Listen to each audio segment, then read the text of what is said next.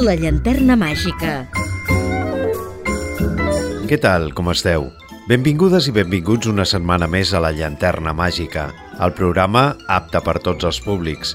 Edició número 247 des dels nostres inicis i 21 d'aquesta setena temporada. L'actriu Gina Lolo Brígida, una de les majors estrelles del cine europeu de les dècades de 1950 i 1960, va morir als 95 anys el 16 de gener de 2023.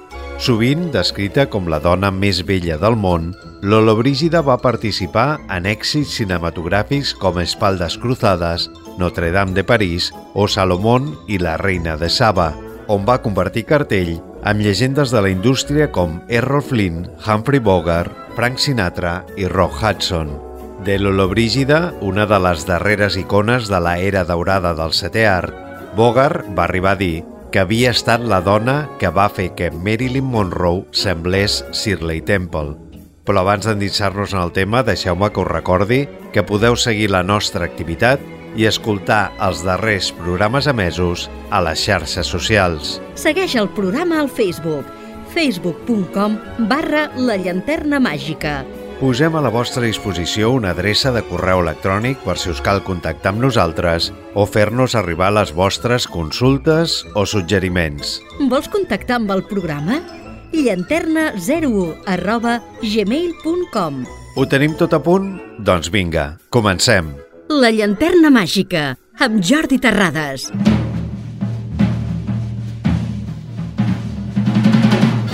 Luitja Lollobrigida, més coneguda com a Gina Lollobrigida, va néixer a Subiaco, un petit municipi de la província de Roma, a Itàlia, un dilluns 4 de juliol de 1927. Era una de les quatre filles d'un fabricant de mobles, Giovanni Lollobrigida, i la seva esposa, Giuseppina Mercuri. En un bombardeig aliat durant la Segona Guerra Mundial, el negoci familiar va quedar destruït. L'any 1945, abans de l'arribada dels aliats, la família es va traslladar a Roma. A la gran ciutat, Luigia ingressa a l'Escola de Belles Arts, on va estudiar pintura i escultura, ja que des de ben petita havia demostrat gran habilitat pel dibuix. També va rebre classes de cant. Dotada d'una bona veu, sembla ser que va intentar ser cantant d'òpera, però la seva família no podia finançar-li els estudis. És per això que va vendre algunes caricatures dibuixades al carbó i va posar per la primera fotonovela sota el nom artístic de Diana Loris. Podia haver estat pintora, però explica una llegenda que un dia del mes d'abril de 1946, mentre passejava per la Via Veneto amb una amiga, un desconegut la va aturar i li va preguntar si volia treballar en el cinema.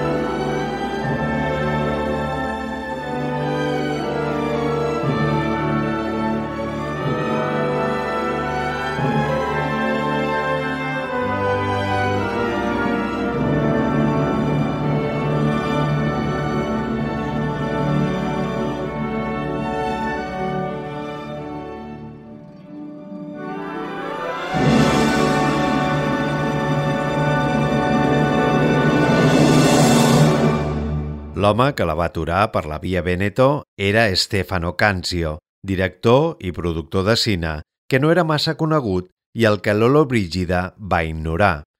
Però aquell mateix any, durant una festa, va conèixer un productor que li va presentar a Ricardo Freda, que en seguida li va oferir un paper d'extra a la seva quarta pel·lícula com a director, Àguila Negra, la primera que va rodar després de finalitzar la Segona Guerra Mundial i que es va convertir en la segona producció més taquillera de l'any. La primavera de 1947, un amic la va convèncer per presentar-se al concurs de Miss Roma, quedant en segona posició. També va participar en el concurs de Miss Itàlia, quedant en tercera posició.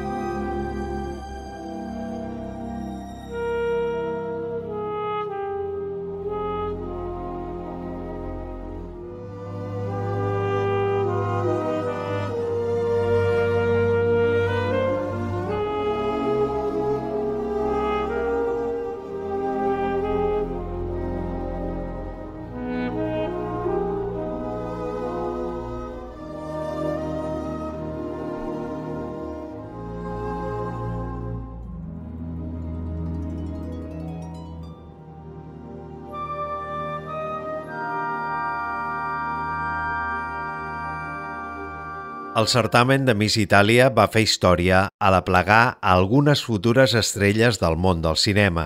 La guanyadora va ser Lucia Bossé. El segon lloc va recaure en Gianna Maria Canale i Eleonora Rossi Drago va quedar desqualificada perquè estava casada i era mare, dues condicions que xocaven amb el reglament del concurs. Una altra de les participants va ser Silvana Mangano. Aquest esdeveniment va ser molt important per la carrera de Gina Lollobrigida, ja que li va donar un cert renom i li va obrir les portes de l'èxit. Es va rumorejar que després de veure a Gina en una pel·lícula, l'excèntric milionari Howard Hughes va volar des de Hollywood l'any 1947 per conèixer-la, però aquesta trobada no va provocar que ella es traslladés als Estats Units i Gina va romandre a Itàlia. Dos anys més tard, Gina es va casar amb un metge eslové, amb el que va tenir un fill, Milko Skovic Jr. La parella va acabar divorciant-se 22 anys més tard.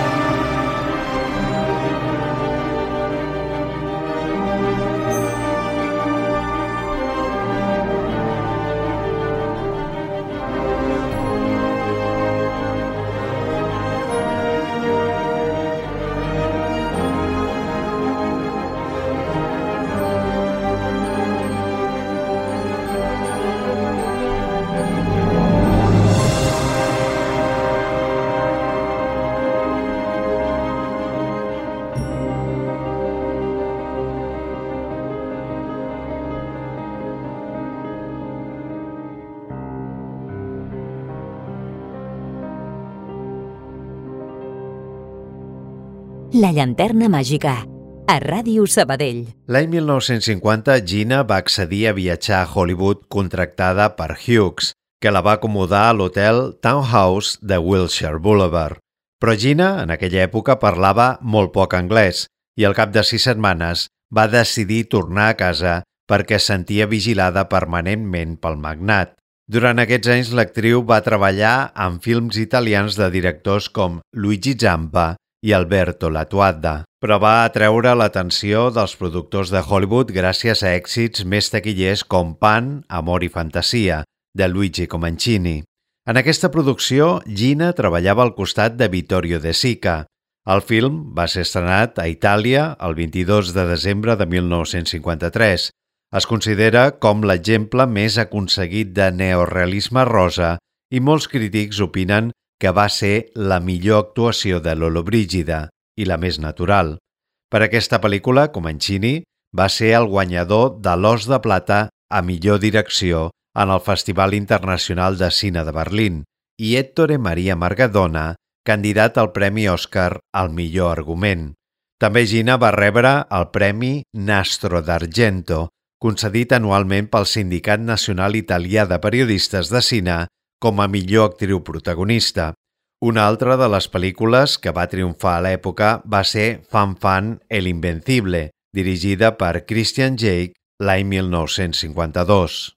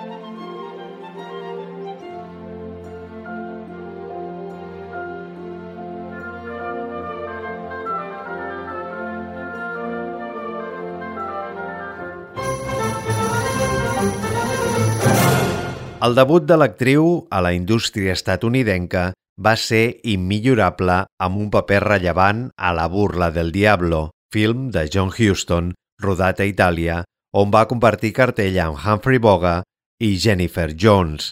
Després va protagonitzar la coproducció franco-italiana El Gran Juego de Robert Siodmak, Espadas Cruzadas amb Errol Flynn i va anar alternant treballs entre Hollywood i Itàlia. A mesura que la seva fama anava creixent, també anava augmentant el seu número de seguidors per ser considerada la dona més vella del món. Aquesta expressió va recaure en ella per una doble raó. A part de la bellesa natural de l'actriu, també era el títol d'una pel·lícula protagonitzada per ella al costat de Vittorio Gassman. El film tracta de la vida de la vedet, soprano i actriu cinematogràfica Lina Cavalieri. Precisament en aquesta producció, Gina va poder demostrar les seves dots com a cantant, ja que la seva veu no va ser doblada a les escenes musicals. Amb aquest treball va aconseguir guanyar el David de Donatello en la seva primera edició. Els premis David de Donatello són els guardons cinematogràfics més prestigiosos d'Itàlia i els atorga l'Acadèmia de Cine Italià des de l'any 1956. Per produccions posteriors, Gina en guanyaria dos més, a banda de quatre honorífics.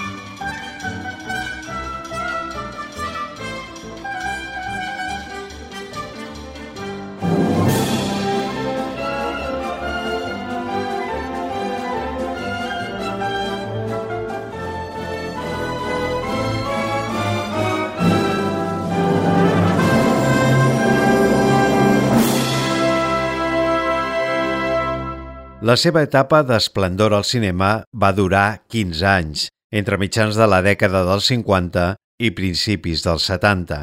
Va fer una aparició notable en el film Trapecio amb Bart Lancaster i Tony Curtis, i aquest mateix any també va protagonitzar Notre Dame de París, adaptació de la popular novel·la de Victor Hugo sobre el japerut de Notre Dame. En aquesta pel·lícula, Gina encarnaria el paper de la vella Esmeralda, mentre que Anthony Quinn representava el personatge de Quasimodo. L'any 1958, l'actriu es va posar sota les ordres de Kim Vidor per rodar a Espanya la superproducció Salomón i la reina de Saba, un projecte que es va veure afectat per la sobtada mort del protagonista masculí, Tyrone Power. Després de diverses setmanes, amb el rodatge paralitzat, l'actor va ser substituït per Yul Brynner, havent de repetir-se les parts ja rodades anteriorment per Power, excepte algunes escenes de lluny que es van aprofitar. Després de la seva estrena, Salomón i la reina de Saba va aconseguir un notable èxit de taquilla que va doblar el pressupost de la pel·lícula.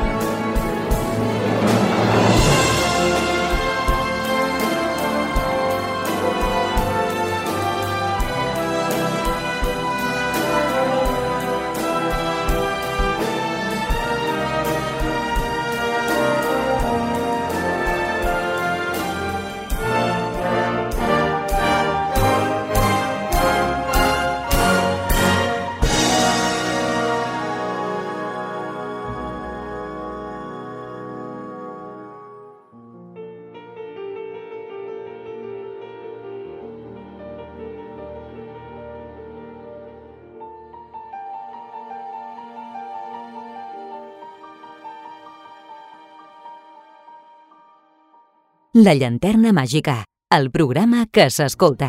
Els següents anys van ser molt intensos per l'actriu. L'any 1959 va treballar amb Frank Sinatra i Paul Henry a Cuando hierve la sangre, producció bèl·lica en el rodatge de la qual es va rumorejar que Gina havia tingut un afer amb Sinatra. Aquell mateix any també va rodar sota les ordres de Jules Dassin La Ley, amb el francès Yves Montand. Dos anys més tard va arribar Desnuda frente al mundo, amb Anthony Franciosa i Ernest Borgnine, i un dels seus films més populars, Cuando llegue septiembre, en Rock Hudson, pel qual va guanyar el Premi Henrietta, una de les categories especials que va atorgar l'Associació de la Premsa Estrangera de Hollywood a la gala dels Globus d'Or entre els anys 1950 i 1979, en la categoria d'actor i actriu favorits de l'any. L'any 1965, Gina va tornar a col·laborar amb Rock Hudson a Habitació para dos. Prèviament, l'actriu es va posar en la pell de Paulina Bonaparte, germana del general francès a Venus Imperial, paper amb el qual va guanyar el seu segon premi David de Donatello a millor actriu.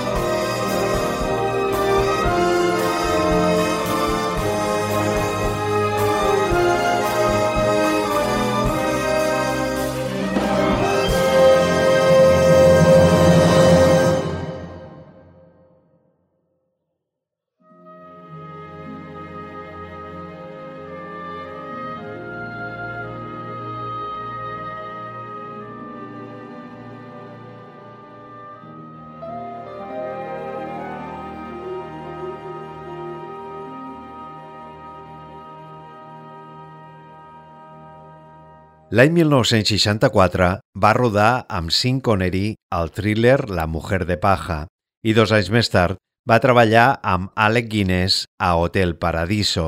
Aquell mateix any va interpretar una prostituta al film Cervantes, sobre el famós escriptor espanyol, i on va treballar al costat de Horst Buchholz, José Ferrer, Paco Raval i Fernando Rey sota la direcció de Vincent Sherman. Acompanyada per Shelley Winters, Phil Silvers i Telly Savalas, Gina va donar vida a Carla Campbell, a Buona Sera, senyora Campbell, pel·lícula que serviria per inspirar l'argument del musical Mamma Mia de l'any 1999 i que posteriorment arribaria al cinema l'any 2008. Amb Bona Sera, senyora Campbell, Gina guanyaria el seu tercer David de Donatello.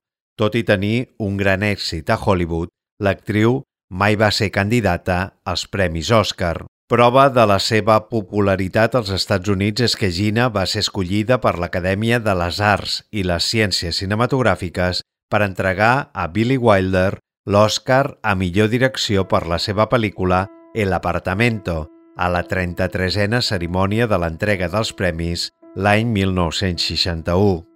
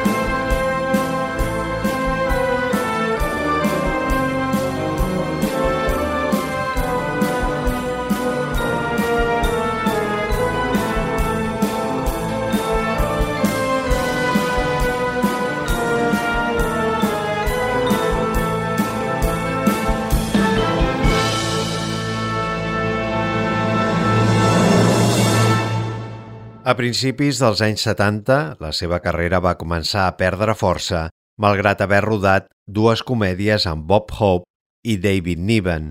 Tot i això, encara va rodar alguna pel·lícula al nostre país, El hombre del río Malo, de Eugenio Martín, i No encontré rosa para mi madre, del també director espanyol Francisco Rovira Veleta. Avançada la dècada, redueix la seva activitat al cine mentre reprèn la seva faceta com a fotògrafa, prenent instantànies, entre altres, a Paul Newman, Audrey Hepburn, Salvador Dalí o la selecció de futbol d'Alemanya Federal i entrevistant en exclusiva a Fidel Castro. Els seus treballs van tenir tanta acceptació que va organitzar una exposició l'any 1973 que va ser tot un èxit. També es va publicar un llibre recopilatori d'aquestes fotografies sota el nom de Itàlia Mia. També va dedicar part del seu temps per fomentar una altra de les seves passions, l'escultura.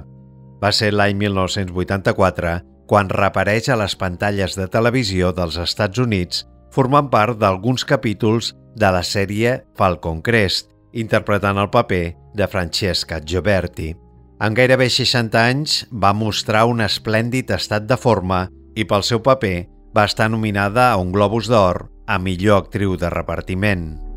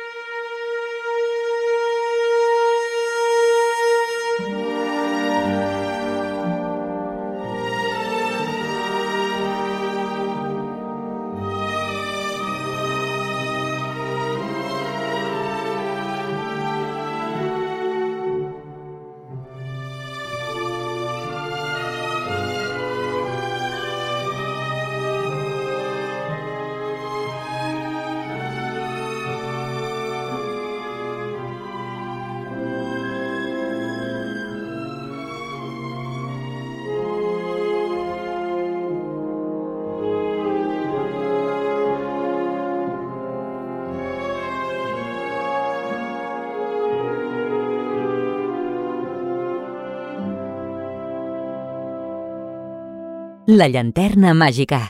Disponible a Spotify, Apple Podcast i iVox. L'any 1996, Gina va ser reconeguda amb un nou premi David de Donatello especial en reconeixement a la seva carrera i 10 anys després, és a dir, l'any 2006, un altre en commemoració al primer que havia obtingut 50 anys abans a la primera edició dels premis. El 16 d'octubre de 1999 va ser nomenada per l'Organització de les Nacions Unides ambaixador de bona voluntat per a l'agricultura i l'alimentació. El mes d'octubre de 2006, a l'edat de 79 anys, va anunciar el seu romans amb l'empresari català Xavier Rigau, de 45, 34 anys més jove que l'actriu. El mes de febrer de 2018, amb 90 anys, va ser reconeguda amb una icònica estrella amb el seu nom al passeig de la fama de Hollywood. Lolo Brígida va enamorar a la generació dels 50 amb la seva exuberant bellesa i després de desenvolupar una brillant carrera al Hollywood del Tecnicolor i treballar amb les grans estrelles de l'època, va deixar-nos el 16 de gener de 2023 als 95 anys d'edat. Rebeu una salutació de qui us ha estat acompanyant al llarg d'aquest programa, Jordi Terrades, com sempre us diem, gràcies per la vostra atenció, sense vosaltres no seríem res i us esperem a la propera edició de La Llanterna Màgica.